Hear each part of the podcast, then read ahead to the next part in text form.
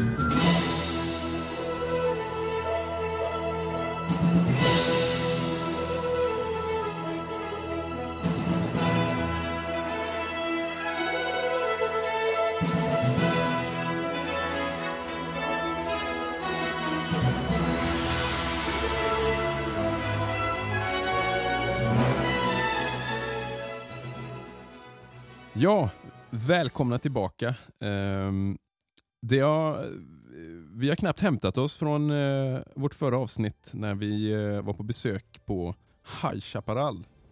Det var ganska länge sedan. Nu. Ja, visst känns det som sedan, det. va? Eller, eller vad var det? Ja, Ja, det måste det sånt. varit ungefär. Det var vinter hänt- i alla fall. Ja, ja, det var ju väldigt kallt. Men det var som vi sa då, man, man tänkte ju inte på det riktigt.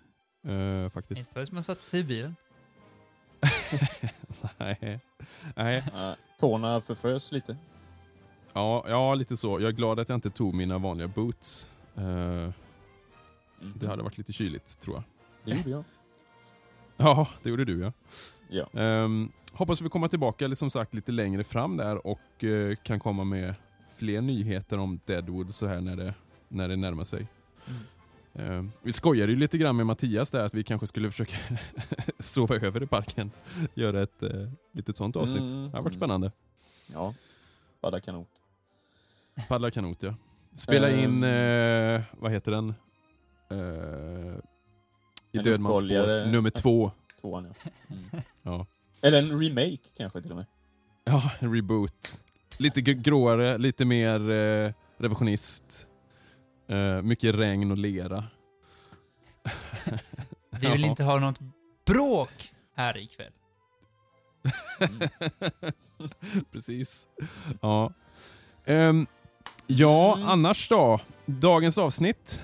Mm. Lagväsendet i vilda västern. Ja, Översiktligt. precis. tänkte Det vi har kommit på. lite, lite önskemål om det ju. Det fick vi på, på vår. Facebook. Ja. Eh, Det är mer än vad jag minns. Men det här har vi ju pratat om sen början, att det här måste ju bli någonting. Men alltså det kommer ju bli, det får vi säga innan här nu, att det kommer bli väldigt översiktligt egentligen. Då. Ja. Eh, dragen. Och sen kommer vi gå in på ett par karaktärer. Eh, Mm. Kändisar helt enkelt. Och deras karriär. Inom lagväsendet. Mm. Precis. eh, efteråt. Eh, och just det, då ska vi ju nämna och introducera vårt nya inslag här med. Nämligen vapeninslaget. Ja, Eh, exakt. Mm. Vi tänker gå in på diverse eh, revolvrar framförallt i början då. Ehm, Mm. Kronologiskt känns som en bra Mm. eh, början. Så vi börjar med eh, den första revolvern helt enkelt. Mm. Patterson. Mm. Precis. Eh, och så kör vi väl, vi kommer köra, nu är det ju fokus på Colt då. Eh, Ja. Men sen kanske vi går in på Remington och Smith Wesson och, och så småningom gevär och så vidare. Men som, som du sa, i början blir det ju revolvrarna och Colts. Eh, Mm. Mm. Lite historia, lite olika modeller och lite sånt där. Eh, ett stort, ett väldigt eh, klurigt område att söka information om har vi märkt. Men det kommer vi ju fram till senare. Mm. Eh, egentligen. Precis. Ja, Eh. sen blir det lite tips och tricks och ehm, filmrecension på nya News of the World också ju. Mm. Exakt. Eh, ja, Mm. men eh, Men, eh, vi börjar ja, med Colten va? vi börjar med början. Ehm, ja, det här hänger ju ihop med eller utvecklandet av The Revolving Pistol, alltså revolven. Hänger ihop med expansionen västerut ganska mycket egentligen. Ehm, Mm. Men i alla fall, mannen som uppfann den här grejen, eller den här företeelsen, eh, är ju Samuel Colt. Mm. Eh, det hade ju gjorts eh, prototyper eller vapen med liknande system innan, men han är ju den första som verkligen tillverkar en pålitlig revolver, så att säga. Mm. Och idén fick han ganska tidigt som 16-åring, där han arbetade på ett fartyg som gick över Atlanten. Då han hela tiden observerade skeppsratten. Och Mm, drog, eh, ja precis, slutsats att om man kan få en sån eh, roterande cylinder att funka i en pistol så hade det varit väldigt innovativt och bra såklart. Eh, Mm. Och han tillverkade faktiskt en sån här då i trä. Helt själv Mm, då. Precis. Eh, och visade för en vapensmed som tillverkade en prototyp som exploderade. Eh, så han eh, reviderade ritningarna sen. Eh, och sen var det nu, jag tror han var två år äldre, ja, vid 18 års ålder, tog han hjälp av eh, vapensmeden John Pearson. Eh, Ja, just det. Ja, och för att få ihop pengar till den här, eh, det här är lite kul, intressant historia så. För att få ihop pengar till tillverkningen drog han ut eh, på någon slags eh, nöjesattraktion egentligen som resande kemist. Eh, publiken fick inhalera lustgas och sen så bjöds de Just på det. massa roliga nummer då. Eh, lite speciell grej. Eh, ja, 1834 hade han fått in tillräckligt mycket pengar för att tillverka den första prototypen. Eh, och det tog han patent på i Amerika, England och Frankrike. Och startade en fabrik i Patterson, New Jersey. Därav namnet på den första modellen. Mm. Eh, Men han fick ju som sagt, han försökte ju... den största kunden var ju såklart amerikanska armén. Eh, Men han fick Mm. problem att sälja den där då, för dels tyckte de var för dyr. Du hade ju någon siffra där på vad den kostade. Den kostade, var det 40 dollar? 50 Eh, runt... En, en Petson kunde kosta runt mellan 40 och 50 dollar, men jag tror att det här är liksom under alla de modellerna. Och det Mm. motsvarar idag ungefär 1400 dollar. Det vill säga Mm. 12 000 kronor i dagens värde egentligen. Ja, ungefär. Det är svårt att översätta det exakt, men det är, ganska, Ja. det är jättemycket pengar. Alltså. Låt säga, det är ju en Och- och man halv kan- man kan ju-. Ja, och man kan tillägga också då att dåtidens största rival, det var ju den här pepperboxen. Eh, och den kostade ju hälften så mycket. Eh, Mm. så, för det var ju också någon, alltså det var ju det som var närmst i rival, rival till eh, Mm. revolvern liksom. Mm. Mm. Ja, de... eh, Det var ju egentligen... Han åkte till, upp och visade upp det. Regeringen skulle ju ta ställning till detta då. Men det var ju för komplext och då för... Ja, och det tog för lång tid att ladda med tyckte man ju då på ett sätt. Men det, å andra sidan, när du väl har laddat den så funkar den ju ganska bra. Ja. Men ja, oavsett så gick han bet där. Men han vände, sig, han vände marknadsföringen direkt till soldaterna, vilken är en speciell taktik då. Eh, Mm. och lyckades få till försäljning på det viset då. Men eh, Mm. republiken Texas då, det var ju, det var ju en egen republik vid det här laget. Och Mm. de köpte ju in Precis. flera revolver till flottan 1839. Mm. 180 den- stycken. Ja, eller, ja, precis. Just det. Fast det var nog Mm. inte bara revolvrarna där, så det, det är nog en del av vapnen. Ja men de köpte 180 in. var, revolverna var ju 180 stycken. Och det var, det var var, det den då? 36an. Ja, det var den Texas-modellen Okej, sen. ja, ja, ja, men då var det Nummer det. fem som det kallas. Mm. Okej. Men i alla fall så upplöstes flottan 43. Mm. Eh, och kapten Jack Hayes eh, försåg då sina Texas Rangers med överblivna revolvrar. Mm. Eh, och då fick de ju stor framgång i kriget mot uh, Comanche-indianerna är det väl? Comanche. Ja, precis. Det var ju var slutet av 1840, tror jag. Ja, 43. Ja, just det. Ja, det- ja 45 Just tror jag det är. den, den attacken som du...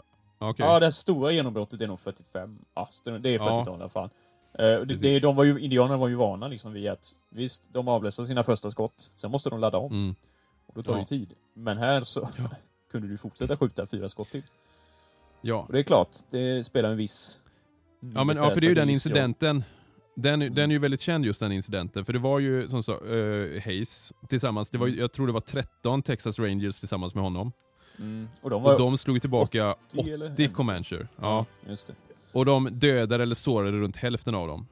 Eh, och då var det ju antingen med Patterson-revolver eller Patterson-gevär då. Mm. Eh, så, det, så det är ju ex, eh, eh, egentligen den händelsen kan man säga, den är väl egentligen kanske den viktigaste för Colt-revolvernas utveckling överhuvudtaget. Hade inte det Mm, liksom mm. inträffat kanske det inte hade blivit som det blev, tänker jag. Nej, precis. Nej, det fick ju stort Mm. genomslag där. Mm. Ska vi gå in på lite olika modeller kanske? Ja, Ja, och det här, jag har ju kollat ganska noga i detta. Eh, Mm. slitit mitt hår lite grann för det, det, det, det är lite dubbla budskap när man kollar. Eh, men generellt sett, jag, jag har ju varit i kontakt med, jag lovade jag skulle nämna det, jag har varit i kontakt med en, en herre som heter Marshall Timble som skriver för True West Magazine. Och eh, han jobbar, jag tror det är Scottsdale University som han eh, jobbar då. Eh, och han är ju extremt kunnig i väldigt många olika liksom västern eh, eh. Ehm, Mm. jag skulle bara dubbelkolla med honom, för enligt mig då, eller som jag har fattat det, så finns det fyra huvudsakliga modeller under tiden som Colt eh, tillverkar dem. Man kan nämna också att Colts företag hette ju inte Colt här. Det hette ju Patent Arms Man eh, Manufacturing Company, Mm. hette det ju i början. Ja. Ehm, I alla fall, då har vi nummer ett då. Som även kallas för Baby Patterson eller Colt Pocket number one eller Baby Model Patterson Revolver number one. Ehm, Mm. och Det kan också tilläggas att på den här tiden innan eh, revolv, alltså ordet revolver hade ju inte blivit, det hade ju inte fått genomslag än. Nej. Eh, utan man kallar det ofta för revolving pistol, alltså en pistol med en eh, snurrande cylinder helt enkelt. Mm. Ehm, och I alla fall, number one och sen har vi number two. Eh, och det är det här då som är lite oklart, för ibland så står det Colt Patterson Pocket Model, Pocket Mm. Percussion eller Belt Model. Eh, och ibland står det att nummer tre är Belt Model bara. Hur som helst är nummer två och tre, de är ganska lika. Eh, jag tror att det är att det är någon variation också på handtaget som skiljer dem åt. Att en är liksom rak i kolven, en har lite utvälvda ändar. Ehm, och sen har vi den fjärde mo- modellen då som heter Number five, eh, Holster Model eller Texas Patterson. Mm. Eh, det är ju de grundrevolverna. Eh, Sen var det ju så att eh, de konkade ju mer eller mindre eh, det här Patent Arms Manufacturing Company eh, i början på 40-talet.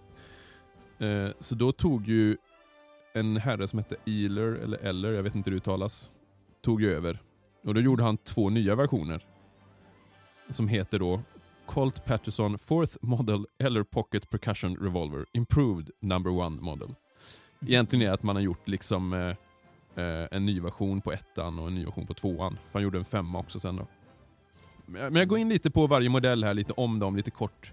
Hur många och eh, när de producerades och piplängd och sånt där. Mm. Eh, första modellen då, nummer ett. Den numrerades i, eh, från 1 till 500. Eh, alltså 500X eh, producerades och numrerades däremellan. Då. Och eh, Man säger ju att man började tillverka Colten 36, men 37 till 38 är egentligen produktionsåret för den här första.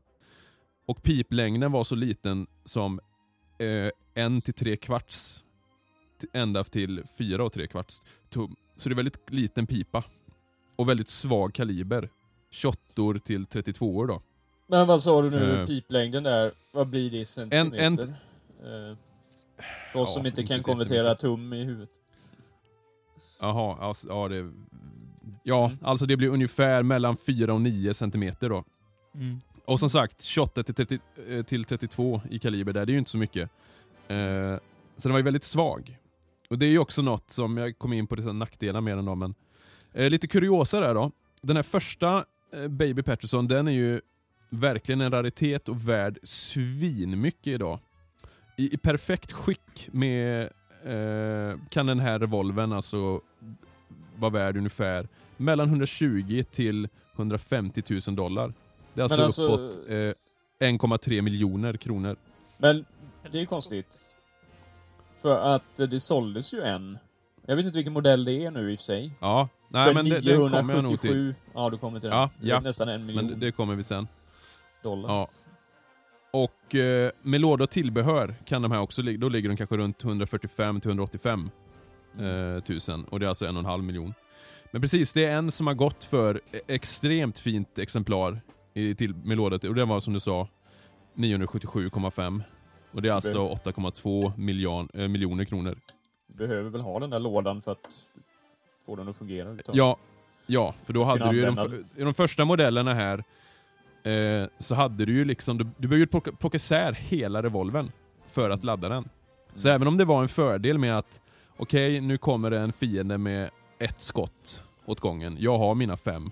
Mm. Fast i, i verkligheten, om man tänker, skulle du bära den säkert, då hade du ju bara fyra skott laddade. Mm.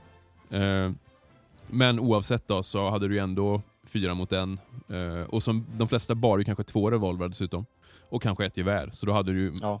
ja, låt oss säga kanske uppåt fem, 15 skott Mm. Mm. eh, mot en. Men eh, jag kan ta där kanske innan jag går in på de andra modellerna hur man plockade isär den här jackan, för det, det är ju ganska omständigt. Mm. Det första man gjorde då det var att man satte hanen i halvläge. Det gör så att cylindern frigörs liksom och sen kan tas bort. Eh, nästa steg det är att det finns en liten, på de här fanns det en pipkil. En kil som liksom höll eh, pipan på plats. Så den fick man ju dra ut. Eh, sen drar du bort pipan och cylindern från revolvens eh, ram.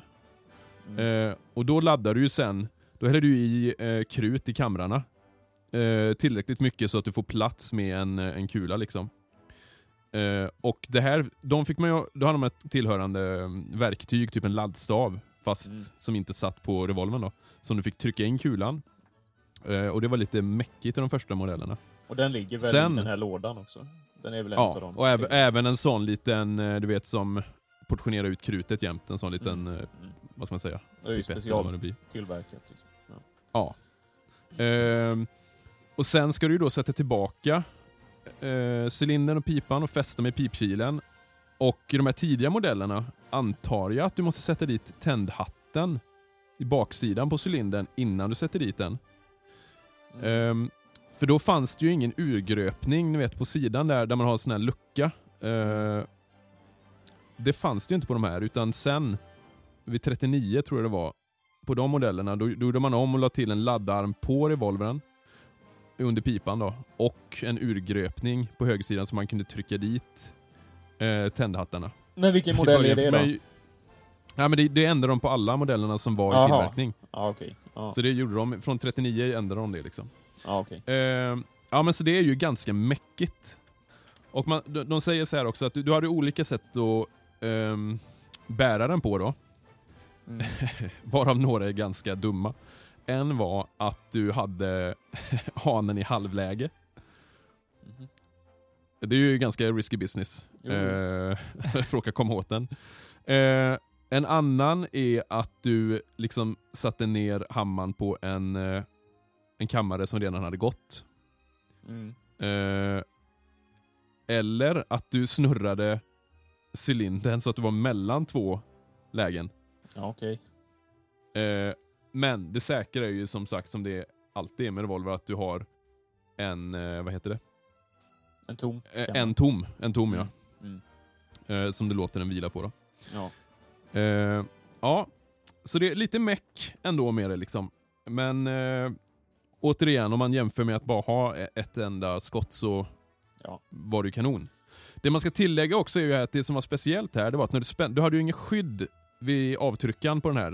Eh, utan när du spände hanen, som du, jag har sett lite filmer på när de testade, då, då, får du, då får du spänna den ganska långt bak alltså. Mm. Det verkar nästan som att det är svårt att göra med en hand.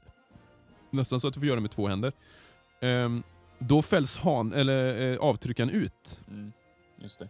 Ehm, och återigen, det här kommer jag till lite senare med problemet med de här revolverna. Mm. Nummer två då i alla fall. Eh, den här numreras ihop med nummer tre, om jag fattat det rätt. Mhm. Eh, så nummer två och nummer tre.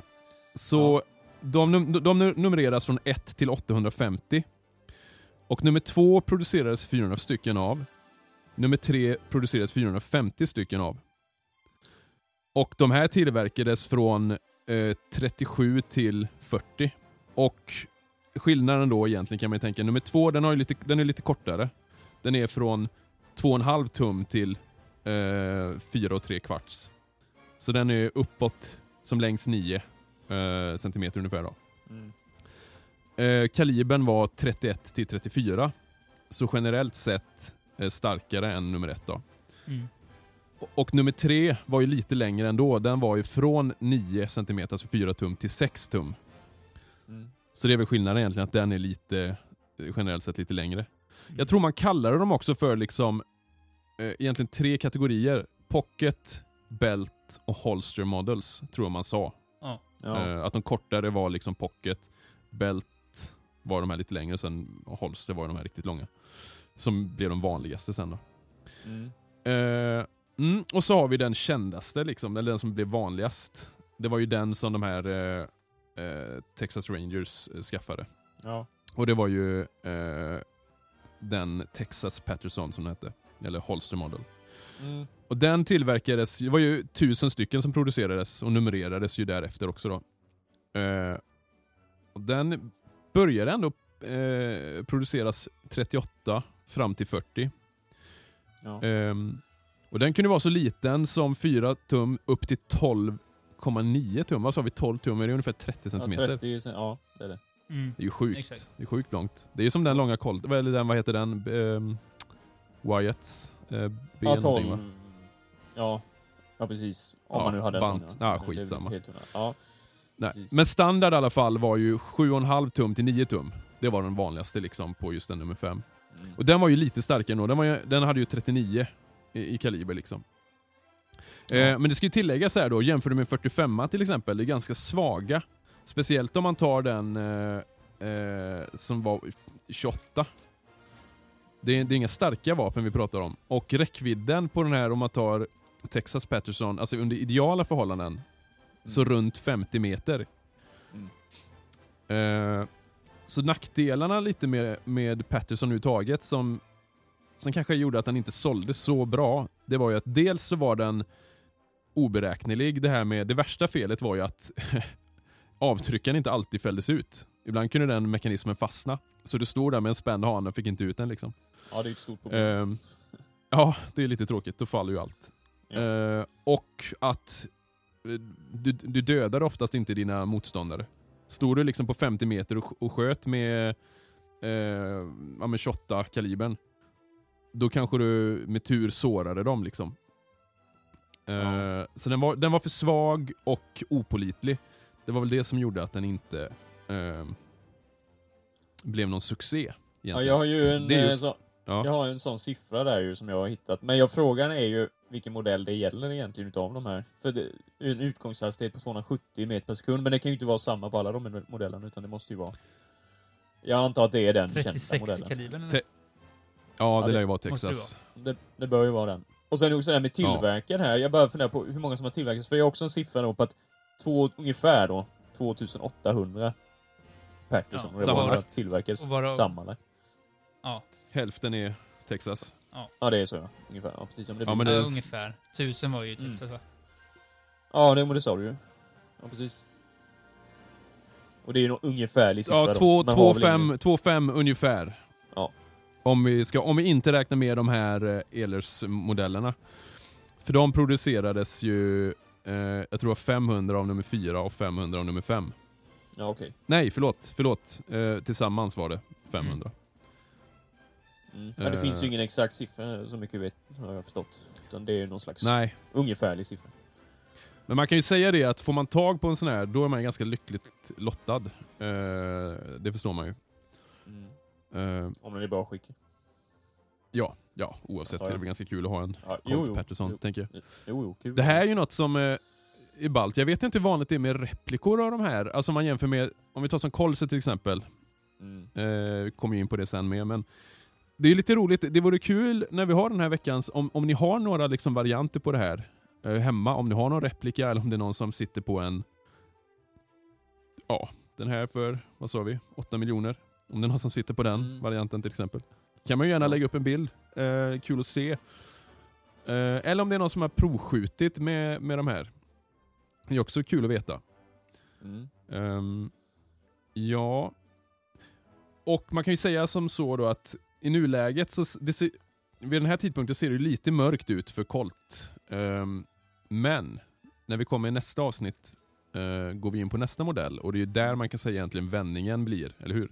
Mm. Precis. Mer eller mindre. Fortsättning följer. Fortsättning följer. You see, in this world, there's two kinds of people, my friend. Those with loaded guns, and those who dig. You dig. Men eh, då har vi kommit till eh, egentligen det som är dagens huvudämne. Lagväsendet. I Ja. vilda västern. En kort översikt. Ja.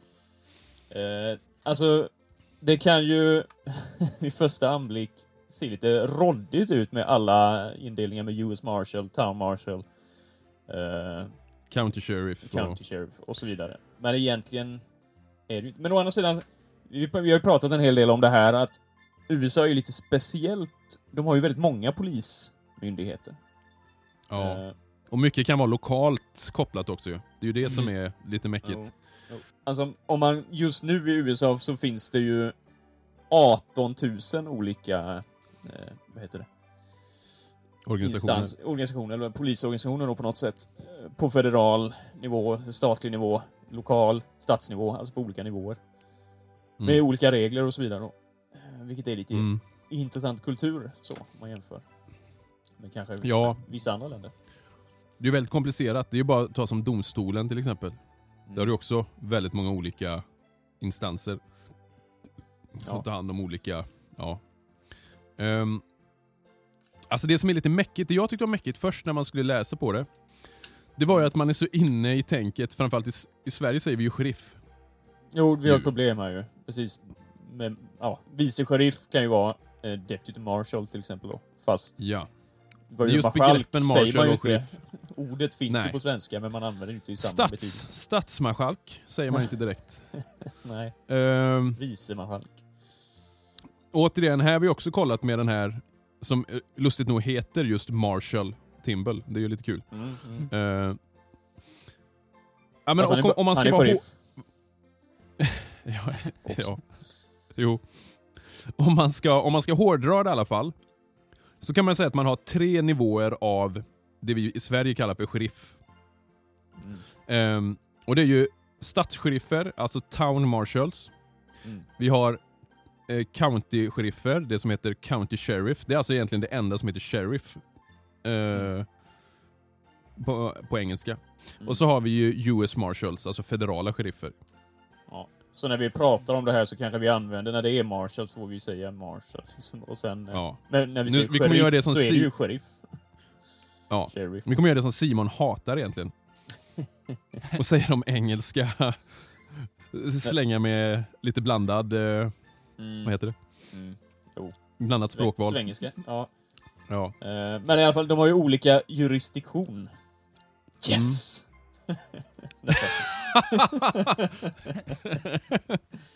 Eh, ja, Säg alltså- det sju gånger snabbt. Ja, precis. Eh, Town Marshal såklart, de, de eh, rår ju över staden. Mm. Eh, Medan Sheriff eller County Sheriff har ju ett större område, det vill säga countyt. Det vi motsvarar ungefär svenska kommuner. Det är ju den närmsta motsvarigheten man kan göra om man ska jämföra med Sverige. Då. Ja, precis. Eh, Administrativt, storleksmässigt kanske så. Mm. Eh, och sen då US Marshal såklart. Mm. De är ju Fed- inte bundna till några delstater alls, utan det är ju federala, Mm. ja men som täcker mycket större. Alltså, de kallas ju oftast in till att hjälpa både stats och county eh, personal egentligen kan man ju säga. Mm. Och sen handlar de hand om vissa typer av brott då, såklart. Ja, för det kan vi också ta då. Alltså, både om vi tar town marshals, alltså stadsheriffer, och county sheriffs. Mm. De är ju folkvalda. Eh, så de väljs ju av folket till sina eh, poster. Jag Eh. funderar lite på det tidsmässigt där. Är, är det alltid samma? För det, det är ju också kruxet att det skiljer sig en del mellan stater och så vidare då. Men Hur är, det, är, det alltid, ja, är det alltid fyra år, eller två år, eller Ja. är det ett år? Eller, det där har jag lite dålig koll på egentligen. Jag tycker det, ja, det är lite oklart. Jag vet inte heller om du får sitta flera eh, ämbetsperioder liksom. Vet jag inte heller. Ja, Alltså det kan ju Det kan ju vara så att det är ett år, jag vet inte. Men det kan ju också Ja. vara olika. Det där. Nej. Det får vi, om det är någon Ja. som vet kan man ju kommentera det. Ja, Vi- får eh, jättegärna rätta oss. nu. Man, man kan säga också lite vad, vad man hade för eh, uppgifter då. Om du är Mm, stadssheriff till exempel. Mm. Då är det ju, alltså ordningen staden, det är ju det som är fokus. Eh, och med hjälp av dina vice eh, sheriffer egentligen då. Eh, deputy marshals då. Och de utses ju av den, eh, Town Marshal. Stadssheriffen ja, ja precis. Mm. Och då har du ju han kanske om slagsmål, fylla, snatteri, liksom, alltså det som händer inne i stan. Småbrott mer eller mindre kan man ju säga. Mm. Um, Medan County Sheriffs, eh, att eh, de kunde ju vara lite grövre brott, alltså typ rån av tåg, diligenser, boskapstjuvar. Så mycket sånt sak som sker i glesbygden runt om städerna. Mm. Där Town Marshals jurisdiktion inte gäller egentligen. Mm. Ja. Och medans US Marshals har ju ännu, de kanske tar ännu grövre brott. Alltså mord, organiserad brottslighet. Eh, och som sagt kallas ju oftast in för att hjälpa stats och county-sheriffer. Mm. Eh, kan man ju säga. Och där kanske man ska gå in lite grann på de här olika domstolarna med, liksom vad, Mm, eh, vad som gäller då. Precis. Och då har man ju egentligen eh, fredsdomstolen, eller Justice Court. Eh, och de tar ju hand liksom om småbrott och det som finns kanske i städer och byar. Det är ju kanske mer kopplat till eh, Town Marshal och County Sheriffs på ett sätt då, Mm. skulle jag gissa. Och de har ju de har ju en del civila, de kan ju viga och sådana saker till och med. De här, eh, vad heter de nu då? Fredsdomare ja. Fredsdomare. Ja. Ja, precis. Och sen har du då tillsynsdomstolen, alltså probation court. De hade ju hand om byråkratiska ärenden, alltså vårdnadstvister, dödsbodelning, eh, markägartvister och sånt. Mm. Och den domstolen låg i delstatshuvudstaden tillsammans med flera. Så man placerar ju några av de här, liksom, då fick man åka till huvudstaden i delstaten. Eh, cirkulationsdomstolen, Circulation Court. Då var det ju en domare som åkte runt i glesbygden och dömde i grövre brott. Mm. Ehm, och då kan man ju tänka sig att fa- fanns det inte liksom...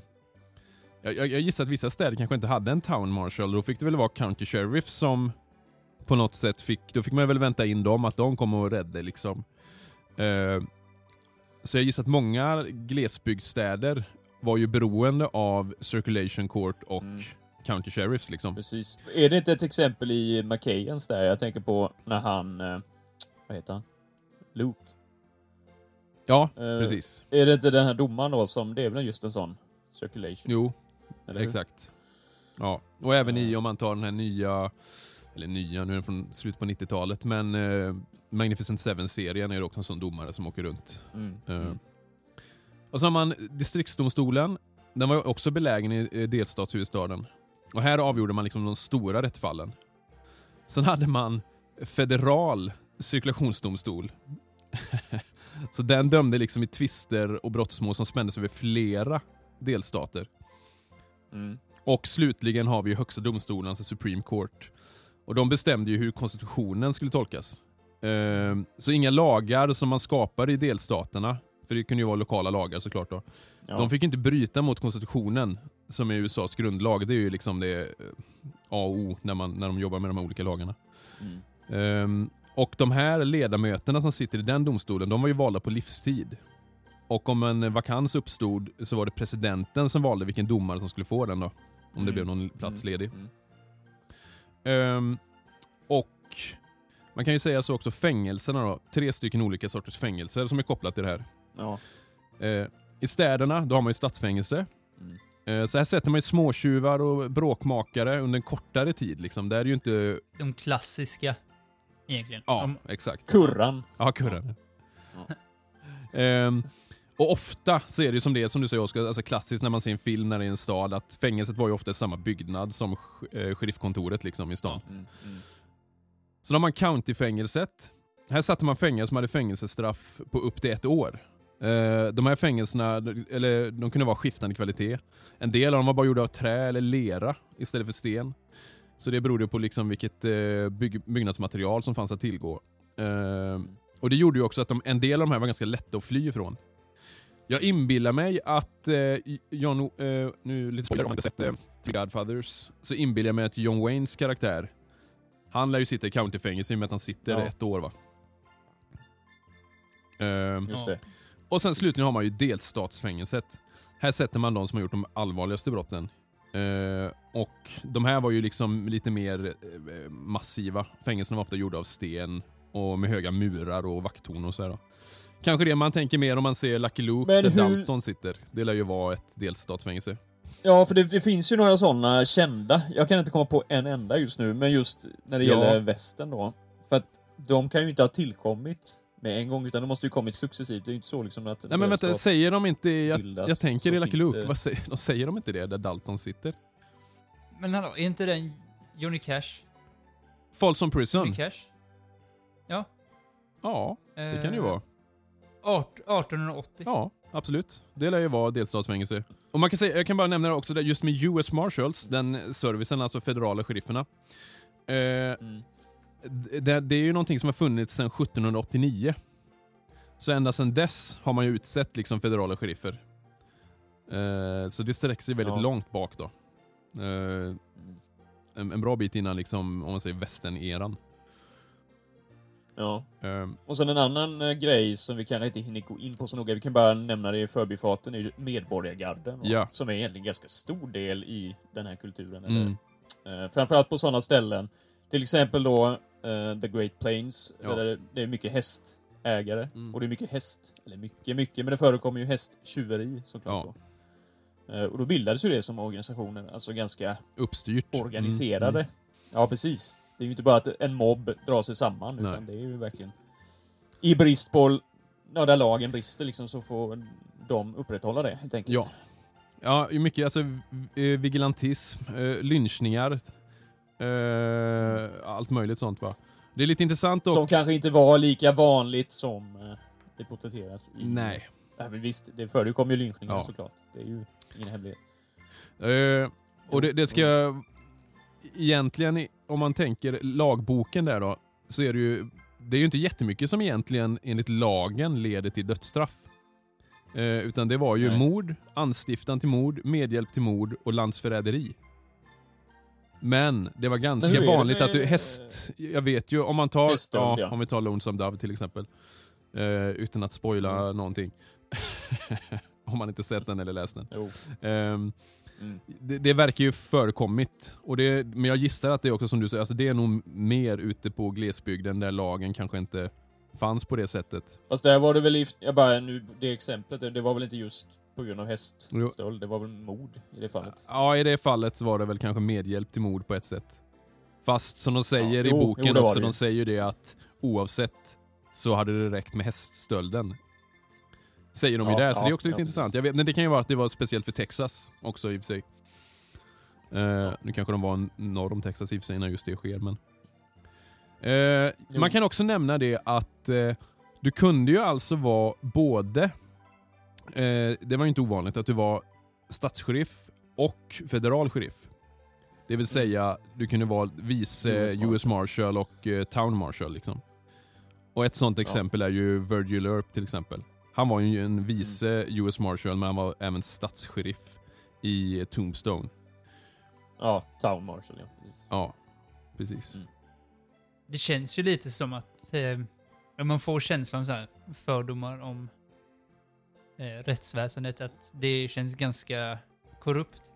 Svågerpolitik. Ja, vi diskuterade lite, Ja. men det kommer komma in lite på det eh, när vi nämner Örparna till exempel då. Eh, vilket vi snart kommer göra kanske. Mm. Man får ju den känslan när man läser det. det, det jag läser några, det finns ju några så dokument från rättegångar och sånt till exempel. Mm. Om vi bara tar den händelsen i eh, vid OK Corral till exempel. Mm. Mm. Det, det är ju inte helt tydligt vem det är som gör Nej, de- fel. Nej, och de motarbetar... Där har du ju alltså en eh, County Sheriff, alltså Mm. eh, John Behan, och sen har du en Town Marshal då, Ja. Virgil. Och de står ju på lite olika sidor här i den konflikten, vilket är lite intressant. Ja. Eh, Men Och det, det- är ju ändå det- de som har... Sen, sen är det i och för sig, är det alltid... County Sheriff är ju alltid högst uppsatt. Ja, oavsett då. Ja. Precis. För just i OK Corral-händelsen där, så då är det ju det som utlöser den händelsen egentligen då, det är ju den, eh, alltså stadslagen. Som Mm. de, jag tror det var Örparna som införde det just. Och jag tror att det nästan kanske var enda gången den praktiserades egentligen vid det tillfället. Att man då inte ska bära vapen Mm. eh, offentligt i stan. Eh, Det var ju det som utlöste den här incidenten egentligen. Då. De skulle ju ta, avväpna dem helt enkelt ja. eh, Clantons och eh, McClurys. Och det är det som är? Ja, precis. Det, och det, det är det som är lite lurigt där då. För då, då tänker man ju så här att det borde ju vara, om de har en lokal lag som statscherifferna har, har ehm, tagit fram, då Mm. borde det vara den som gäller. Då borde ju de ha sin fulla rätt att praktisera den. Men då, det är ju som att, för som jag har förstått det så vill ju Bihan Men- få det till att de inte följ, eller att, ja, han verkar ju tyckt de hade fel, det är ju det. Ja, men det var väl mer händelseförloppet sen, Ja. tror jag snarare va? Ja, om de provocerar eller vem som sköt först, det är det va? Mm, Och- precis. Och det vet man ju fortfarande egentligen inte, om man ska vara ärlig. Det, Nej. Det, det, alltså, det fanns ju två tidningar också i staden som Ja, stod på vardera sida. Och det var ju även splittat politiskt. Alltså det var, dels var det ju Demokraterna då, Ja. som de här cowboys, eller eh, vad ska man säga, eh, branschägarna egentligen då. mm, De var ju i stor, i stort, i stor utsträckning demokrater medan eh, Örparna var, eh, Örparna och de var ju republikaner då. precis. Och motsvarar mer, egentligen mer progressiv politik. På den tiden var det ju så. I alla fall på de här, i den här landsändan så skiljer det sig lite i östern och västern. Mm. Eh, Men det var ju mycket mer landsbygdsorienterat, Demokraterna egentligen. Ja, precis. Men den konflikten lyser ju igenom här i, i, i den här konflikten så att säga. Ja. Men där, där kommer vi in ganska, om vi, vi tänkte vi sa vi det att vi ska nämna några eh, kända profiler där. Då kommer vi ju ganska lämpligt in Mm. på den kanske känd, en av de absolut kändaste eh, lagmännen måste man ju kunna säga ändå. Ja, Just- idag är det ju så. Men Ja, det roliga, då var det roliga så. eller under sin tid, han var ju inte okänd var han absolut inte, men hans riktiga kända genomslag så i, i hela landet då, eller i USA, eller kanske till och med i världen sen, kom ju precis efter han dog egentligen, när, Ja. han, när han, den här biografin då, som är väldigt, ja, mycket hittepå i den egentligen, och- av Mm. författaren själv. Det vill säga inte Earp, utan Nej. jag kommer inte ihåg hans namn här nu men. Han fabulerade ju och hittade på, och det var han, jag tror han var öppen med det också och sa det. Han fyllde Mm. i liksom detaljer och sånt som, ja, helt taget i luften, som han bara hittade på. Mm. Eh, ja, i alla fall, så det var ju först då han blev riktigt känd och porträtterades i film då. Han var med i någon stumfilm som någon liten biroll i någon Hickok-film, tror jag. Eh, Jaså? Från 20-talet då. Ja, det är någon... Men jag tror jag har visat den bilden på honom. Han är nog ganska lik Wide Earp. Sen så kom... Jaha, eh, jag tror du eh, menade att Wire Frontier var med. Marshall eller vad den heter. Nej, nej, nej, nej, nej, nej, nej. Däremot så var han ju, han hade ju kopplingar till. Hollywood. Det, Mm, Ja, precis. Lite, lite så. Han trivdes ju med det där och tyckte ju om cowboyfilmen. Liksom. mm, mm. Och träffade John Ford och även John Wayne sägs det ju. Ja. Eh, som ska inspireras lite utav honom då. Ja. Men i alla fall, vi, ja precis, vi ska gå in och nämna framförallt tre stycken sådana här karaktärer. Lite deras eh, karriärer inom eh, lagväsendet. Mm. Eh, och i Wide Earps fall så, det blir ju ganska kortfattat det här för att det, alltså vi kommer ju ta ett, vi kommer ju såklart ha ett avsnitt om honom framöver, Mm. minst ett avsnitt, kanske Ja. fler, jag vet inte. Nej, för det, lär finns ju ganska mycket att säga om honom. Det gör ju Ja. det, precis. Han har ju varit liksom överallt honom. mer eller mindre. Det är ju det som är... Ja, jo, absolut. Mm. Så att, eh, vi ska prata om honom. Eh, vi kan väl bara inleda med honom helt enkelt. Ja. Sen övergå Mm. till en kollega till honom sen. Mm. Eh, Men då blir det väldigt kortfattat här nu egentligen då. Han är född 1848. Eh, Mm. Fjärde sonen utav sex bröder. Eh, Och de tre äldre bröderna var ju alla del och deltog i inbördeskriget. Eh, Han var inte det. Men i alla fall så, och familjen då med fadern Nikolas, de flackade ju runt mycket. Han, de var ju bofast på sina ställen och hade gårdar. Men de flyttade ju bland annat från västern till östern och fram och tillbaka. Väldigt mycket kors och tvärs. Eh, Men i alla fall så flyttade familjen eh, med pappa Nicholas till Lamar eh, i Missouri 1868. Mm. Då var inte Wyatt med, utan då tror jag att han var kusk vid det här Teamster, alltså Mm. vid det här tillfället. Just när de flyttade dit i alla fall. Och eh, Nicholas blev faktiskt konstapel. Det har vi inte nämnt också, det är ju en annan... Eh. Ytterligare en instans. Men han var, ja, precis. han var, ja precis, men det, var ju, det är ju en polisman då. Han var Mm. konstapel där i alla fall i, när de flyttade dit. Eh, sen så lämnade han tjänsten och blev fredsdomare som du Emil nämnde förut då. Mm. Eh, och då, bland annat då, så vigde han Virgil i staden, vet jag. Eh, det, så det var ju ett av hans Mm. uppdrag då, så de hade ju även sådana civila uppdrag. Mm. Eh, men okej, i alla fall. Året därpå, 69, då kom även Wyatt till, Lam- till Lamar. Eh, och då blev han konstapel eh, i två år tror jag, i alla fall till 71. Och under den tiden så hinner han gifta sig, få barn, blir missfall och frun dör där, lite oklart exakt var, men troligtvis någon sjukdom. Mm. Eh, och han går ju ner sig rent allmänt där och är inne, involverad i en del. Han, dels blir han eh, anhållen för en häststöld tillsammans med två andra. Så det är Mm. lite oklart om han verkligen är skyldig. Det vet man egentligen inte riktigt tror jag. Men det är flera sådana fall. Men, så han försvinner från eh, tjänst just då, eller, eller inom lagväsendet Mm. för några år där. Nästa gång han eh, hamnar i lagväsendet så blir han anställd som polis i Wichita, Kansas. Eh, han blir anställd av eh, Marshall Michael Meager 1875. Och inför valet sen nästkommande år då, 1876, och då framhåller Meager inför valet att han kommer anställa Wyatts bröder. Här kommer du lite in i svågerpolitiken på något sätt. En intressant grej är också att eh, Alltså, jag vet att Morgan kommer ju också till Wichita. Och jag tror James håller ju till där, för hans fru och även eh, Earps andra fru är ju prostituerade där. Och det sägs ju att eventuellt att i alla fall kanske eh, Wyatt har jobbat som utkastare och liknande på någon bordell. Mm. Emellan här då, eller innan eller efter. Lite oklart.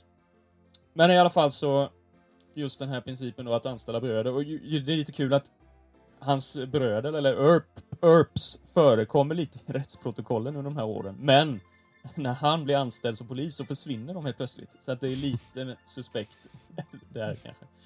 Mm.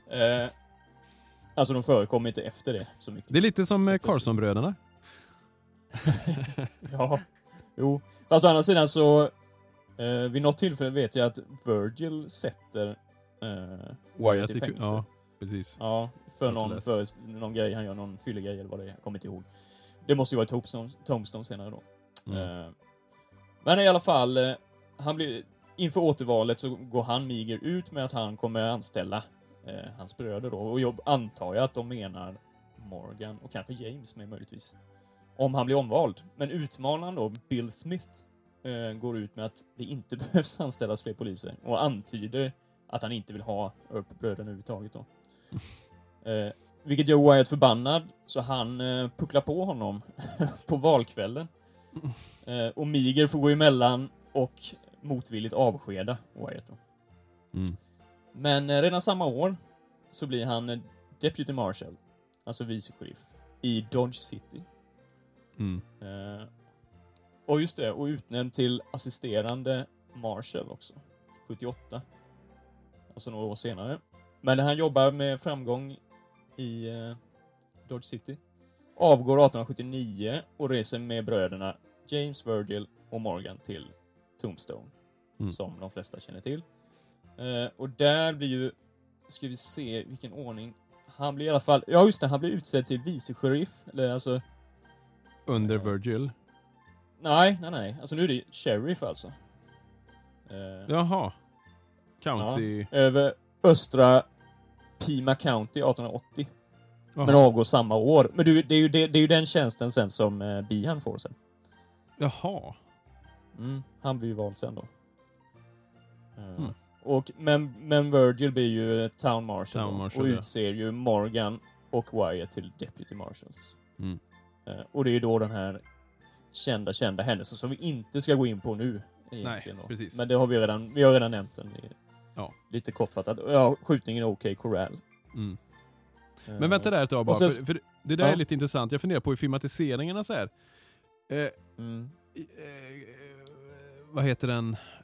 Åh, med eh, Douglas och Lancaster. Jag heter inte den eh, Dodge City någonting? Nej. Nej, Nej, nej. något med nej det heter ju. Gunfight at OK Ja. Corral? Eh, Ja. Om jag inte minns helt fel framställs Wyatt som statssheriff i den. Och de andra som... Ja, men det är ju ofta en sån... Det har blivit så i och med att det var han som blev känd tack vare ja, biografin. man placerar Jag vet att... eh, Ja, hon, eh, Virgils fru, hade ju väldigt mycket att säga om det här sen när den boken släpptes. Liksom, att Ja. det kanske inte är riktigt... Nej, att det känns som att Virgil hamnar ju lite i skymundan ja. ja för han Ja, är ju egentligen jo. den, den rikt...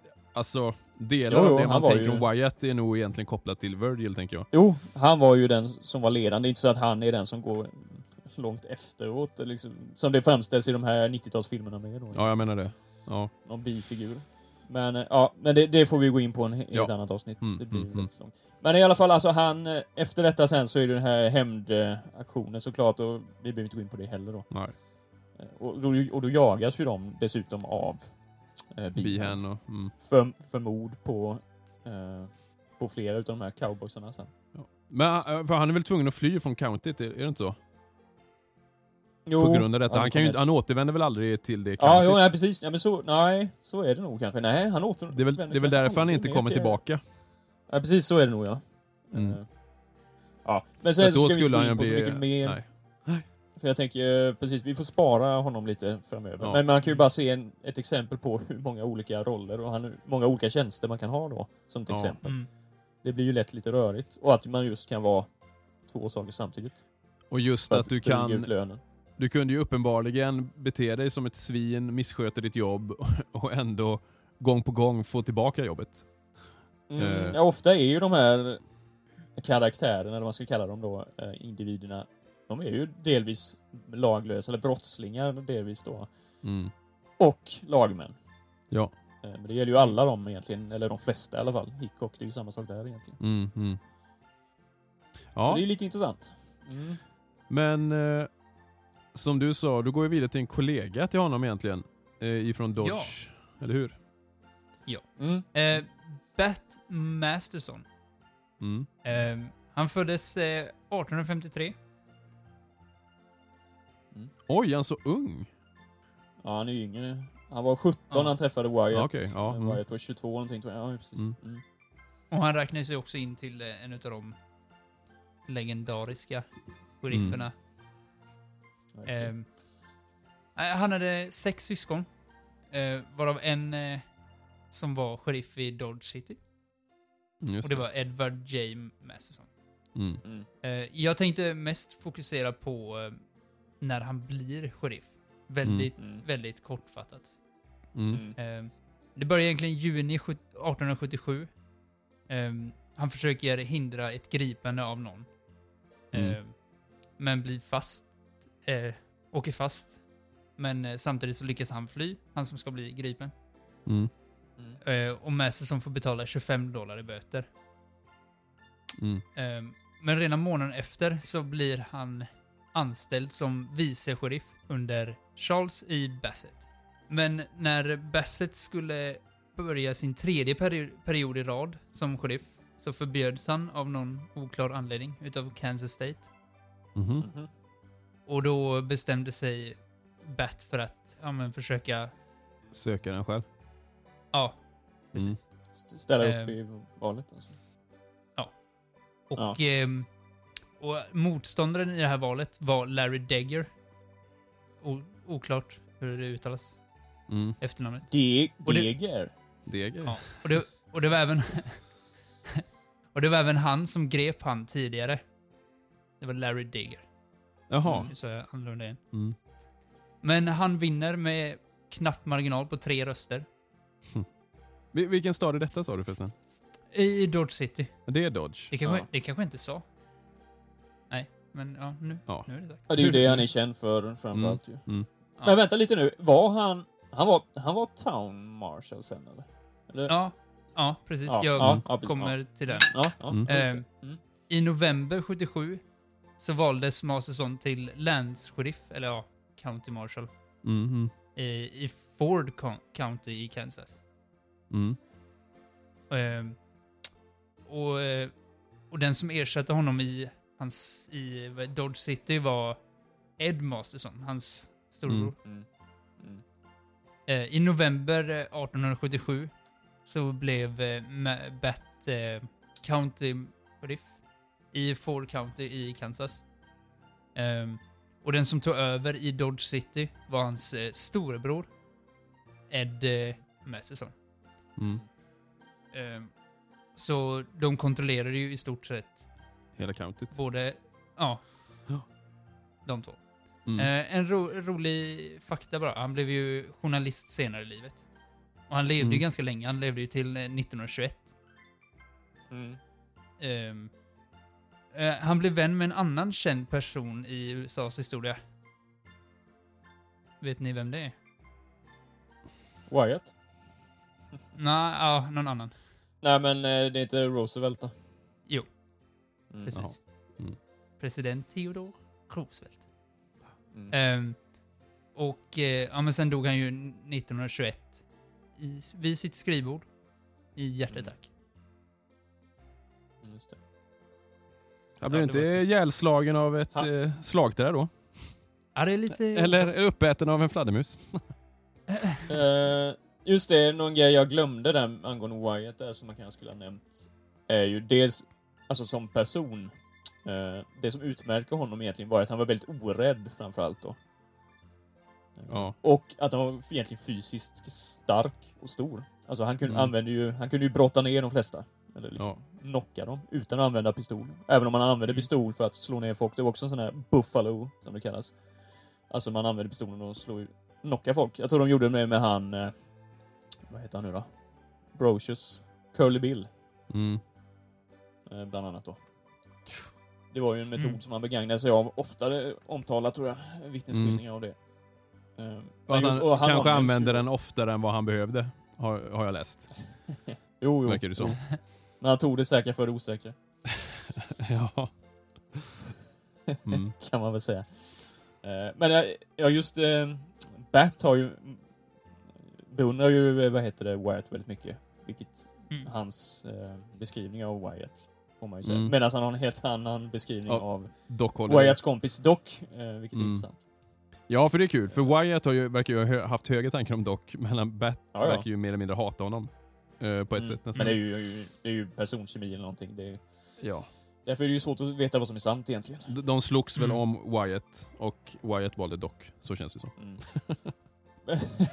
Men i alla fall så, eh, alltså tidningsrubriken och det som, som skrivs så gjorde han ju väldigt bra jobb i alla fall, Wyatt. Det får man ju säga. Han var ju Mm. effektiv som eh, eh, lagman.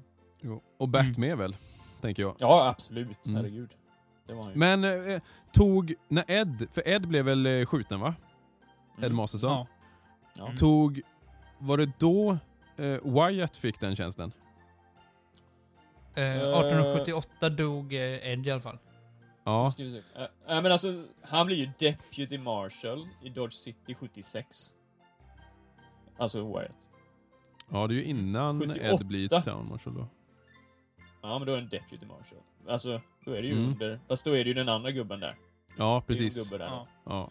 Ja, Ja. och, och så har vi ju då en som för mig är en eh, ny person ändå. Uh, Bass Reeves. Jag har inte hört talas om honom alls förrän i år egentligen. Um, det var att jag det? läst... Vem är det? det jag, jag läste honom i... Det var True West, det var en artikel om honom. Och eh, sen köpte jag samtidigt det här spelet, eller jag fick av Ulf som var med här och gästade för några avsnitt sen. ehm, Western Legends. Eh, då fanns ju han som en karaktär då. Och eh, det här är ju, det är ju speciellt. Han är ju liksom den första eh, svarta federala sheriffen i västern om man säger.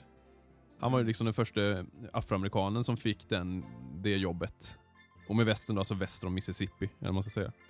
Ehm, Man kan tänka sig nästan att Django i Django uh, Unchained, alltså Tarantinos rulle, att eh, den karaktären är lite inspirerad av Bass Reeves skulle jag gissa. Eh, Reeves är ju född liksom i slaveri i eh, Crawford eh, County, Ar- Arkansas i 38. Mm. Och ehm, han... Eh, jag tror det var, nu ska vi se, under, någonstans under eh, inbördeskriget så flyr han. Det är oklart hur han blir fri men det ryktas om att han kanske hamnar i någon fight med sin eh, slavägare. Eh, som då kämpade för, chockerande, för eh, konfederationen. Mm. Eh, I alla fall, han blir ju så småningom då en, eh, ja, någon form av vice sheriff liksom. Och har hand om indianterritoriet.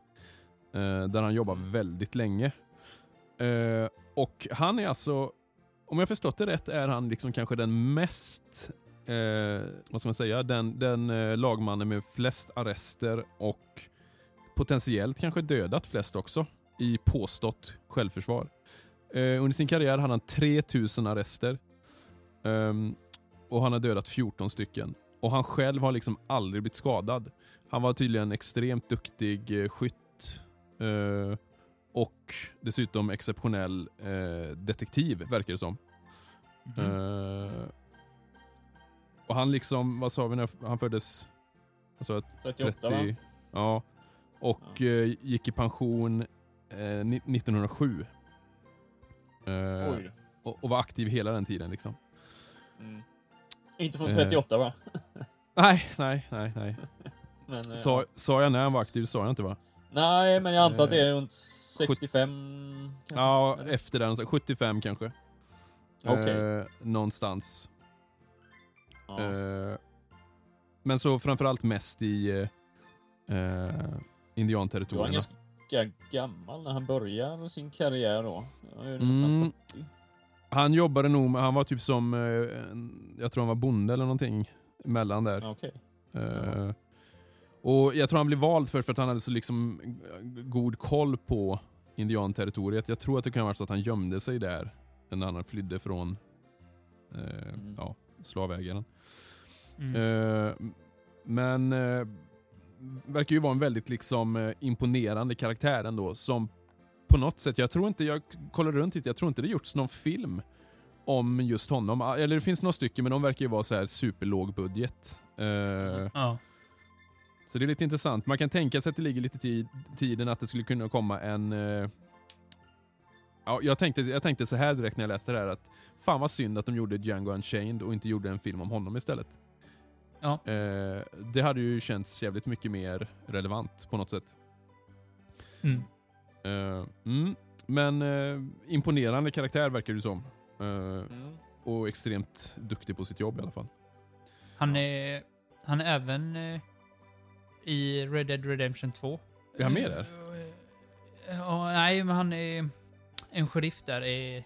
Oh, vad heter han? Freeman? Nej? Jo. Ja. Ja. Sheriff Freeman i Red Dead 2 är eh, inspirerad jättemycket utav Reeves. Mhm. Ja, och det låter ju rimligt med tanke på att Django heter väl Freeman också. Ja. Ja, ja. Ja, där ser man. Inte illa pinkat. Mm. Ja, men där har vi ju tre uh, filurer. Eh, och eh, längre fram kanske vi tar några andra, men och, som sagt, nu gick vi väldigt grunt in på dem, men eh, Mm. ja, vi går nog in djupare på en del av dem i alla fall längre fram. Jo, absolut. Ja. Troligtvis. Ja, eh, men det känns som att man har fått ändå en, en eh, hyfsad koll på hur lagväsendet funkar. Eh, Mm. Ja, men det tycker jag. Och- och det Att viktigaste är väl... Ja, det viktigaste är väl att man ändå ska skilja, kan man väl säga, de här tre begreppen. Tänker jag. Town Marshal, County Sheriff och US Marshal. Mm. Ja, det är Eh, de stora. Men vad är de riktiga, om vi tänker de riktiga, ö, alltså stadssheriff måste ju vara det korrekta på Town, eh, town Marshal. County Sheriff, det måste vara typ länssheriff då eller någonting. Ja. Ja, eller- County är ju, det är ju kommun egentligen. På, alltså, Kommun, det motsvarar ja. mest, mest kommun storleksmässigt. Okej, ja men då, då får man man säga med county, counties. county sheriff. Just det. Men Ja. federal sheriff på US Marshal är det ju egentligen. Tror Ja, jag ja. är den korrekta benämningen. Mm. Ja. Ja, det var nördigt, men det var ju bra. Mm. Då kanske det är dags att eh, prata lite om en eh, karta.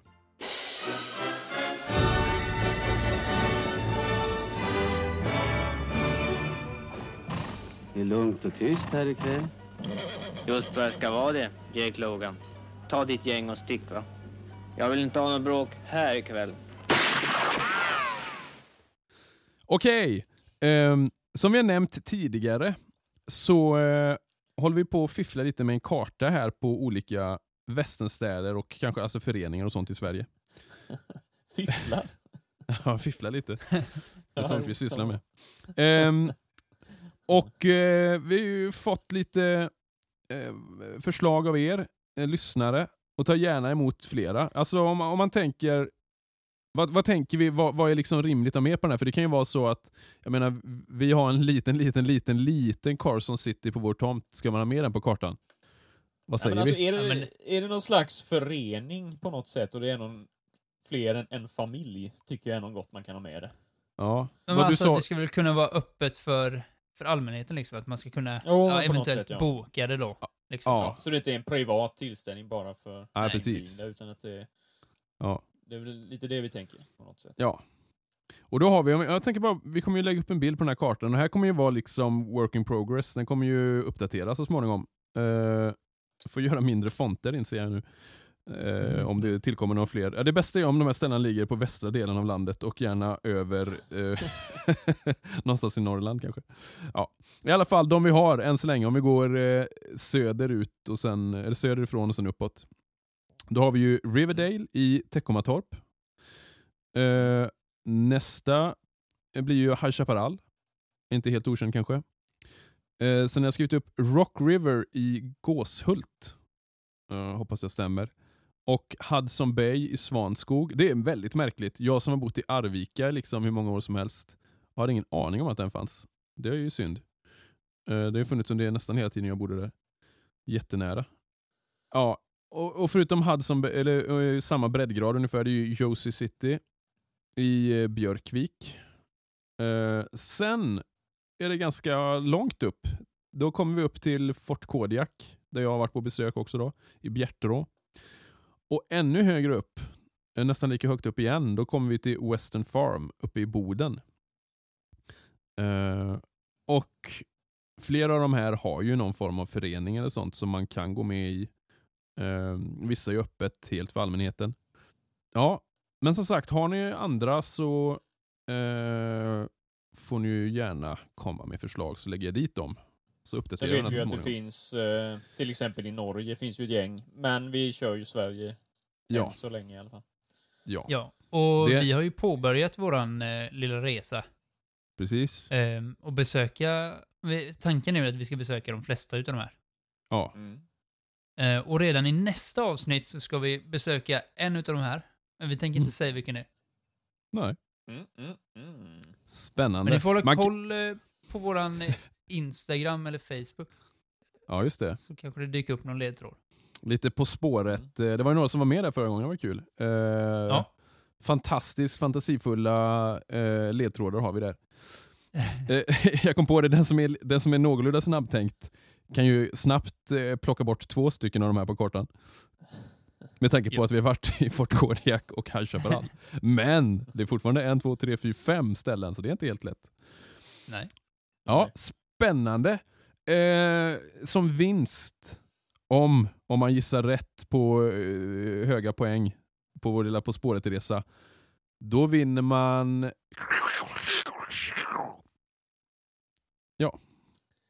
Mm. Det kommer bli coolt. Ja, Ja. det är inte alla som vinner det. Nej. Ehm, ja. Jag tänkte också passa på att prata lite om eh, kolser. Eh, de, de som följer oss på Hur, Facebook... eh, hur uttalas det? Eh, det, Kolsör. nej men det lär väl uttalas antingen eh, kolser eller kolser. Eh, jo, ni, ni som följer oss på Facebook har ju sett att jag, jag har haft lite kontakt där med dem. Jag har ju titt som tätt, jag jagar på dem lite grann om nya modeller och sånt. Eh, jag kan ju med glädjande besked säga att de har lyckats fixa Winchester-gevär med fungerande utmatning och sätta knallhattar på. liksom. Eh, samma som de har på sina Colser-revolvrar. då. Eh, problemet är att det är så att de, de, butiker i Sverige som är återförsäljare till Colser, Corona har ju ställt till det liksom för ja, de flesta eh, verksamheter på ett eller annat sätt. Va? Och det är många ställen, Colser säger det själva, att eh, det är många som drar sig för att beställa nytt innan man har sålt av stora delar av det man har i sortimentet. Så ni som har funderat på att köpa några revolvrar sådär, eh, passa på. Passa på för guds skull. Eh, jag kommer också komma med en liten glad nyhet där eh, för de som funderar på att köpa antingen Denix eller Kolse. Då.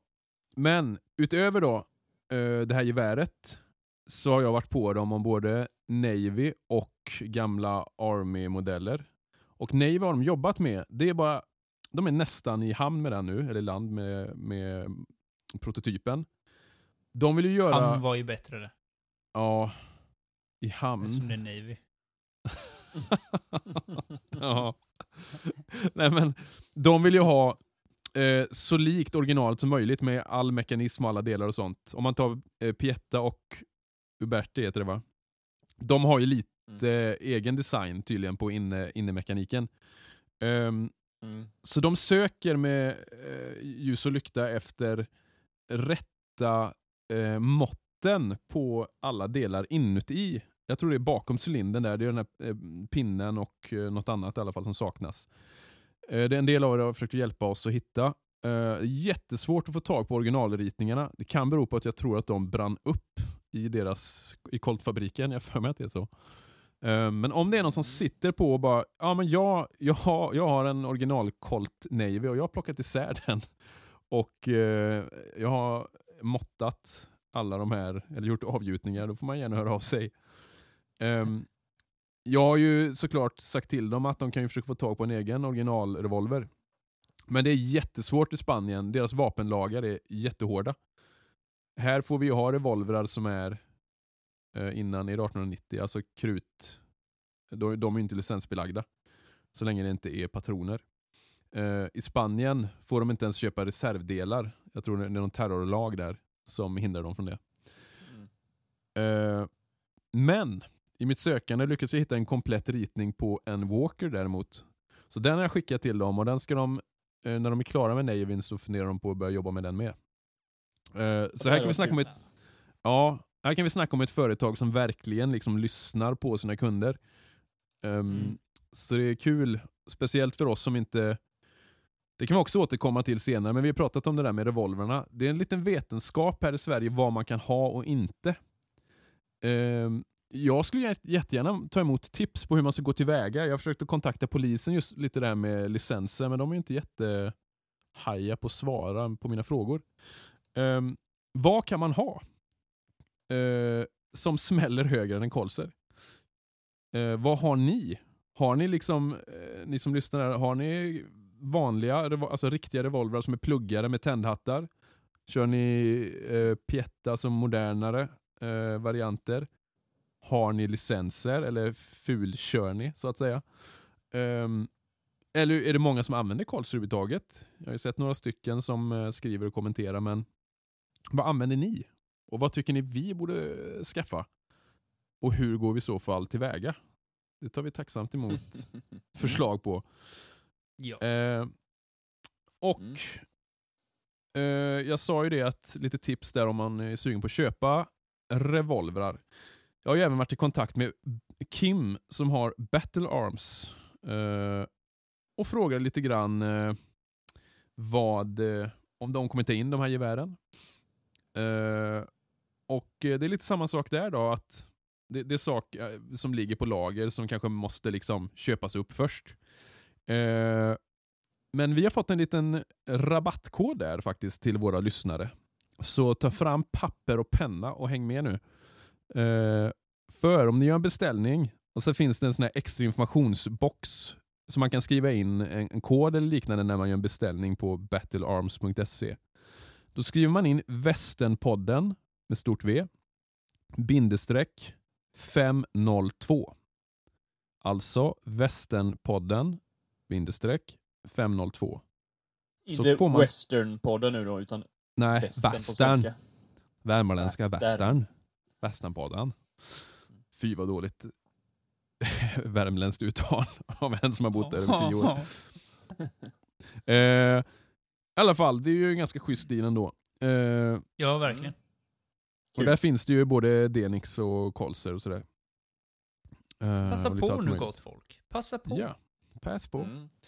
Eh, och är det flera butiker eh, som tycker att oj, det här vill vi också göra. Så tar vi tacksamt emot sådana koder så vi kan dela med oss av. För jag tänker att det är, det är en period då många ehm, affärer, företag och allt sånt som har det lite kämpigt.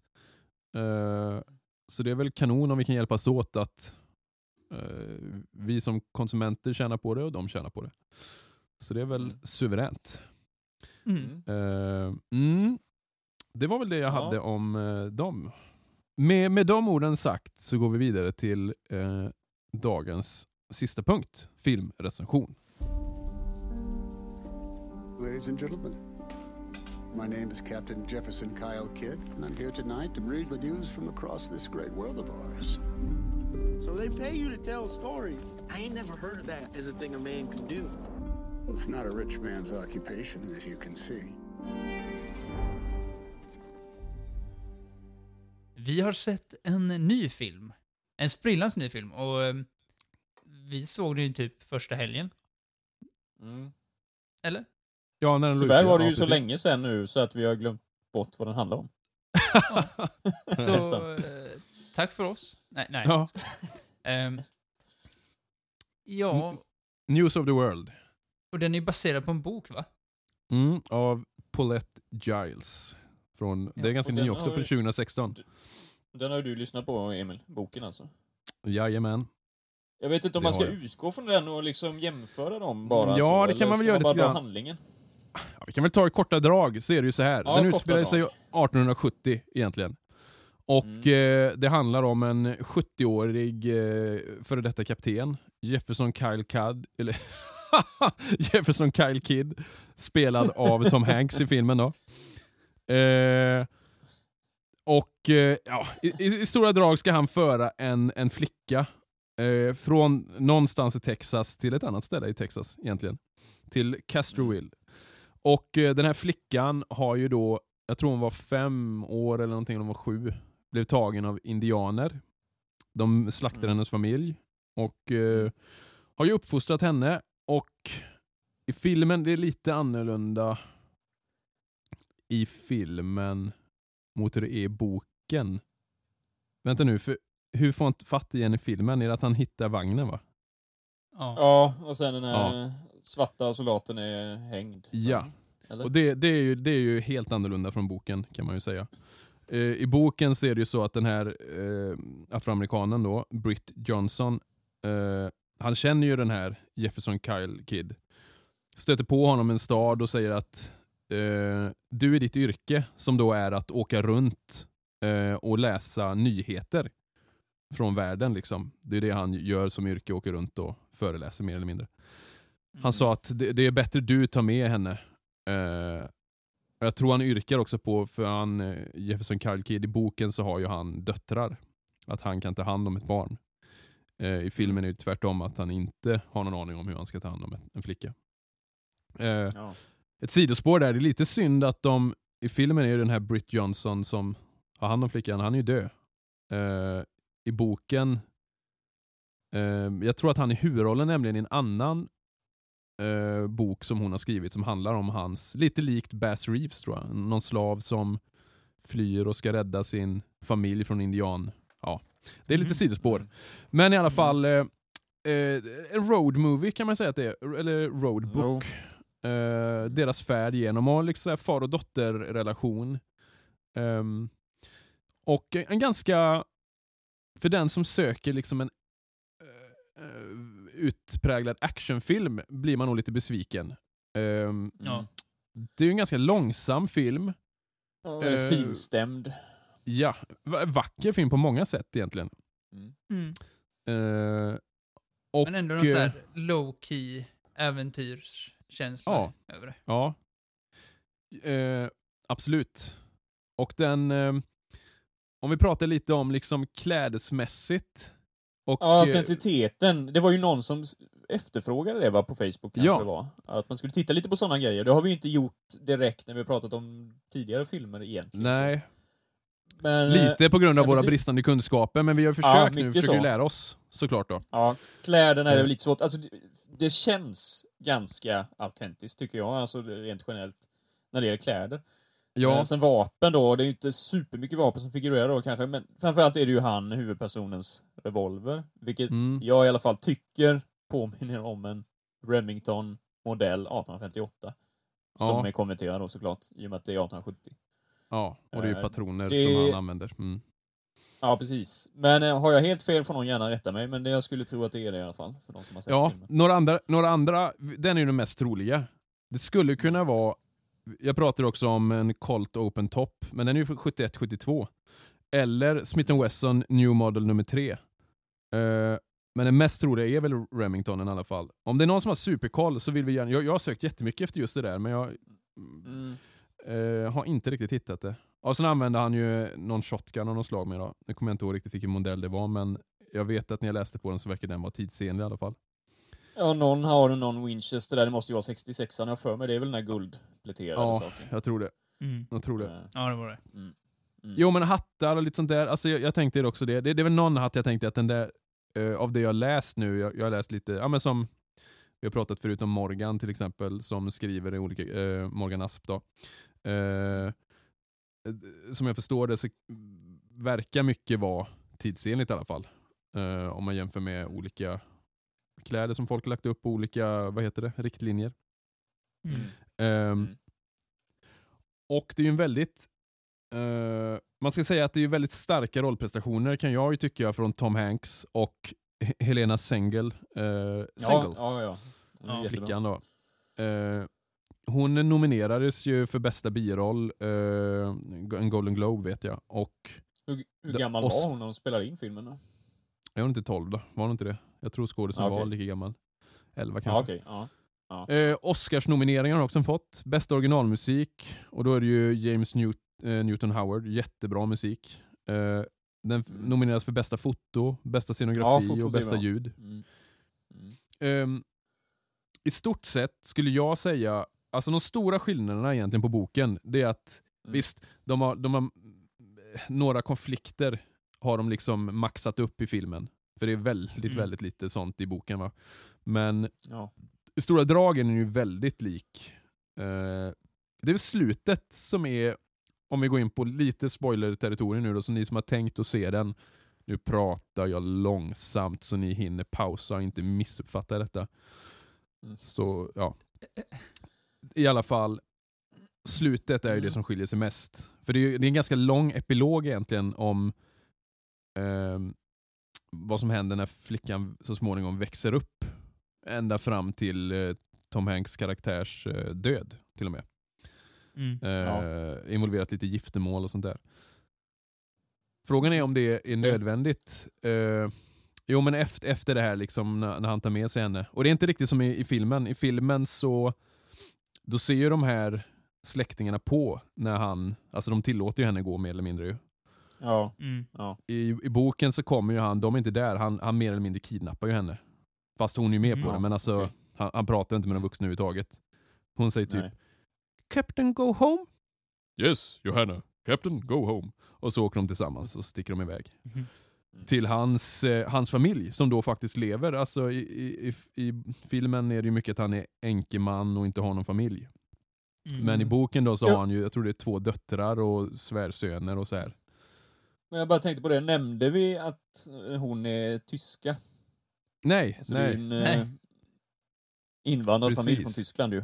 Ja, Eh, så de kan ju exakt. inte språket, eller de kan väl lite lätt. Och sen har ju hon tappat sitt språk i och med att hon har bott med indianer i flera Ja. år.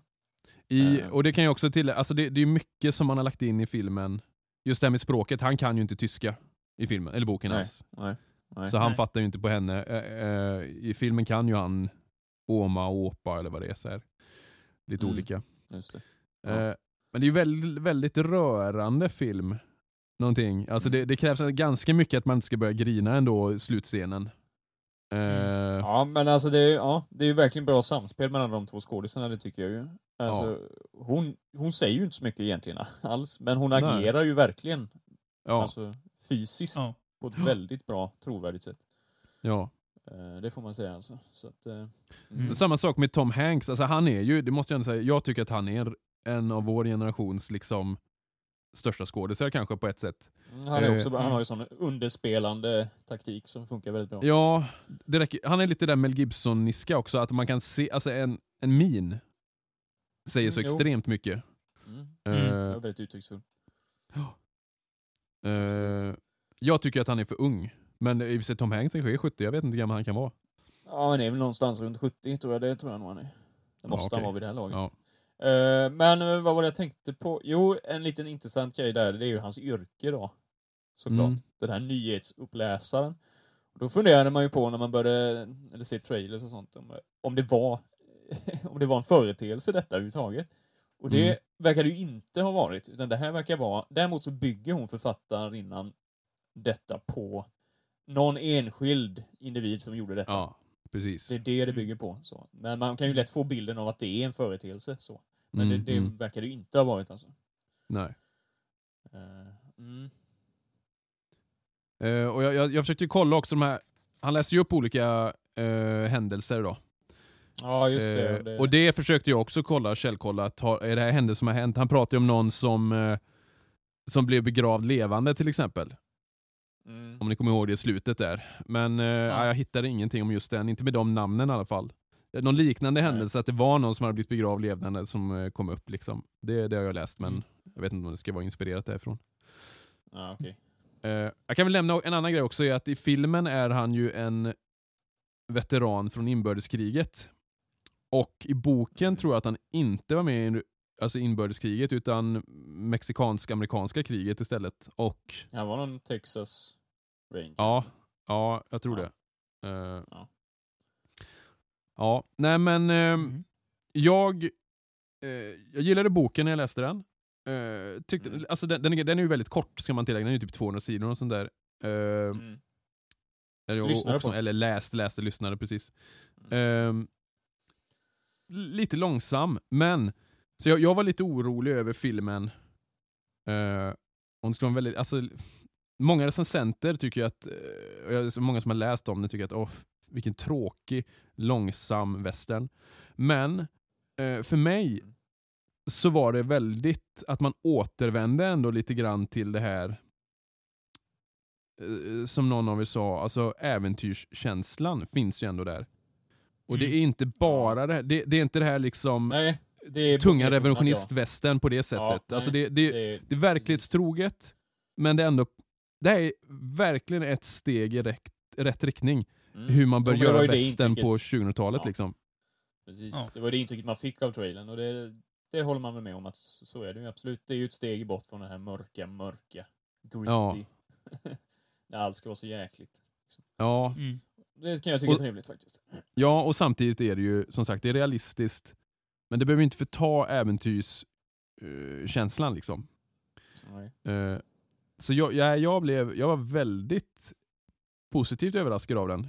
Uh, jäkligt fräscht, alltså speciellt för mig. Jag, jag är väl en av oss som har sett flest filmer från 2000-talet och framåt.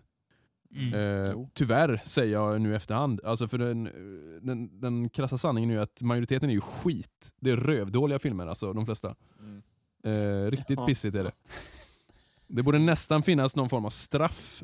Eh, jag, tror, jag, jag tänker att det finns en speciell plats i helvetet för de som gör de här filmerna. Eh, sa han lite bittert. Men därför blir jag så... Vad heter... Nu, nu får ni hjälpa mig. Paul Green... Grey- Gr- Greengrass. Nej, jättebra tycker jag. Vad Oscar, vad tycker du? Ehm, jo, eh, jo, men just det här med att det var ett low, ja, som jag sa förut, low key äventyrskänsla. Mm. Ehm, alltså bara för att det är äventyrskänsla behöver det inte liksom vara pang på och fort ska det gå. Nej, nej. Ehm, Som flickan nej, men, nej, Ja, men jag tyckte det var, ja. Nej, men jag tyckte den var jättebra. Ja, jag, jag vet inte, jag har inte mycket att tillägga heller egentligen så. Utan eh, det mesta har sagt som är värt att säga tycker jag. Mm. Utan det är väl bara Och att sätta en- ett litet betyg kanske. En eh, liten förhoppning. Framtiden. Absolut. Ja, ja, absolut. Jo, precis det får man ju. Får se vad nästa storfilm blir. Ja, Mm. det är väldigt intressant. Jag gissar att det, tror ni inte det kommer bli då um, Wild Bunch nyversionen? Ja. Jo, kan det bli. förmodligen. Alltså jag hade Ja, men du, velat det se... skulle komma någon ny. På Netflix nu, typ. Jaha. Med han som ska spela Batman nu. Pattinson. Ja, men du menar inte Damsel? Ja, vad, vad heter den så? Den är ju från 2000... Den är riktigt dålig. Den är riktigt, riktigt dålig. är Den, den är det så var ingen jävla ny, dålig. eller? Ja, ganska. Nå- något år på nacken har den. Han har en gitarr på ryggen. Uh, riktig skitfilm var det. Ja, ja, sjönk de förhoppningarna. Ja, Behöver jag var också så. Jag var lite positiv tills jag... Ja, jag kan säga det. Skit att se den. Det är mitt, det är Ja. mitt råd. Nej men, eh, jag hoppas ju på en film om Hickok. En, en ny Mm. film om honom hade varit lite Det kul. finns inte mycket. Ja, det finns ju någon med... Ja, vad med nu då? Jeff Bridges. Bridges. Ja, det är det va? Ja, Från men den ska ju 95 vara väldigt någonting. speciell och inte så historiskt korrekt. Eh, Nej. tyvärr. Nej. Eh, det och sen en, Nej, en, en film med fokus på Doc Holiday. Ja, eh, som inte är den här faktiskt. Doc från eh, eh, Sorry. 70-talet. Ja, 70... Nej, nej, nej. Nej, precis. Glöm allt. Precis. Du visste om Wyatt Earp. Glöm allt du visste om Doc Holiday. Alla är svin, all, all, allt är grått och mord och ja, Ja. nej fy. Ja. nej. Har du sett den? Eh, jag började se den. Eh, verkar riktigt... och sen insåg jag ganska fort att jag ska inte se den här. Nej. Eh, nej. det är någonstans när man, när man kommer till, när man har sett, som sagt vad är det vi sett nu? Jag tror jag har sett runt 80, Mm. kanske 90 westernfilmer nu. Eh, på Mm, ganska jo. kort tid med. har jag plöjt Ja. igenom de här. Eh, man älskar de bra filmerna. Eh, vad hette den nu som jag såg nyligen? A Big Country va? Nej? Ja, den 57-58. Ja. Charlton Heston. Uh, Ja, precis. Jättebra tyckte jag. Och då blir man så här glad igen. Ja, äntligen. Ja. Och så ser man en typ damsel liksom. Ehm, det är så mycket... Ja. Eh, man, man märker det. Alltså om man ska procentuellt av de filmer jag har sett så är det ju tyvärr ganska Mm. få som ligger på toppbetyg. Ja. Det är lite märkligt för att man älskar ju genren. Och man vet att det kan bli så jäkla bra. Och så finns det så otroligt mycket skräp. Det är ju frustrerande. Så är det. Så Eh, är det. Mm. Och återigen knyta an då, det, då är det skönt att det kommer en sån här film tycker jag. Men då är det ju bättre att börja kolla på gamla filmer. För då är ju risken mindre att de är kassa. ja, jo, jo. Jag tycker det är lite Faktiskt. tråkigt, alltså inte begränsat till, men det är lite tråkigt när det är svartvitt ju. Mm. Eh, Jo, eh, men det har du säkert förut ju. jo, precis. Men återigen, betyg Men, då. Eh, vad, vad, ja. skulle vi ge, vad ska vi ge den då? Simon? Ja, det- jag tycker det är jättesvårt att sätta betyg på den här alltså. Så. Mm, det Svårt det. att veta vad... Ja, den här, jag tycker det här är en av de svåraste. Ja. Vänta, vänta, det kör vi, det kör vi. ja, vänta. Jag kanske sa exakt så här förra gången också. Och gången Men... Ja, jag skulle tro att det blir tre och en halv, tror jag. Mm. Mm. Ja. Det, det är liksom tre eller tre och en halv.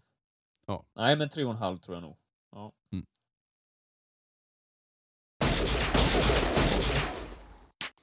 Jag sätter en fyra.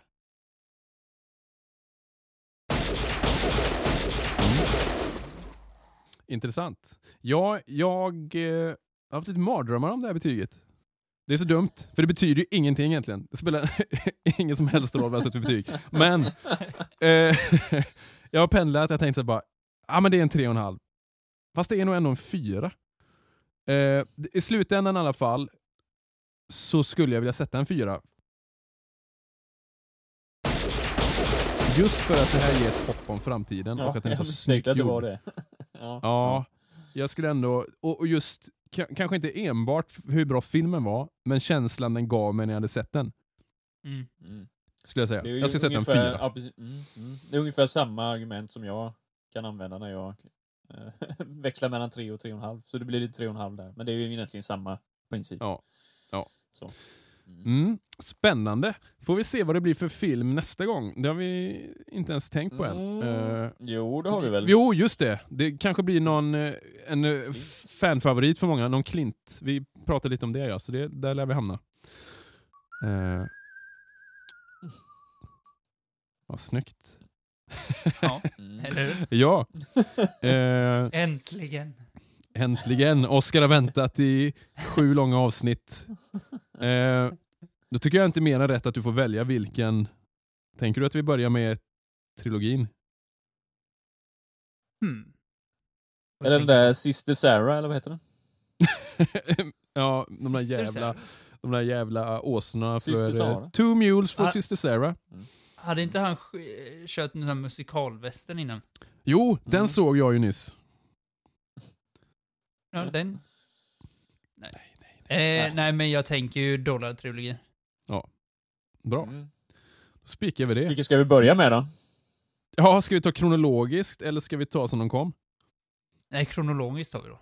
Ja, det är jobbigt Men för det då är vet vi inte med all Lite säkerhet. oklart. Ja. Precis, det är svårt. Första, första är lätt, blir lätt. Sen, ja. Ja, ja, spännande. Mm. Mm. Eh, det- det kan ni lyssnare få avgöra. Ska vi inte säga så då? Ska vi börja kronologiskt eller ska vi börja i år eh, som de släpptes? Och om vi Ja. börjar kronologiskt, vilken ska då bli film nummer två? Mm. Mm. Mm. Ja. Spännande. frågor. Ja. Ja. Med, ja, med det så vill vi tacka för idag. Mm. Eh, rid eh, lugnt, eh, spara inte hästen och eh, kasta lassot med eh, avslappnad handled. ja. Och till sist säger Oskar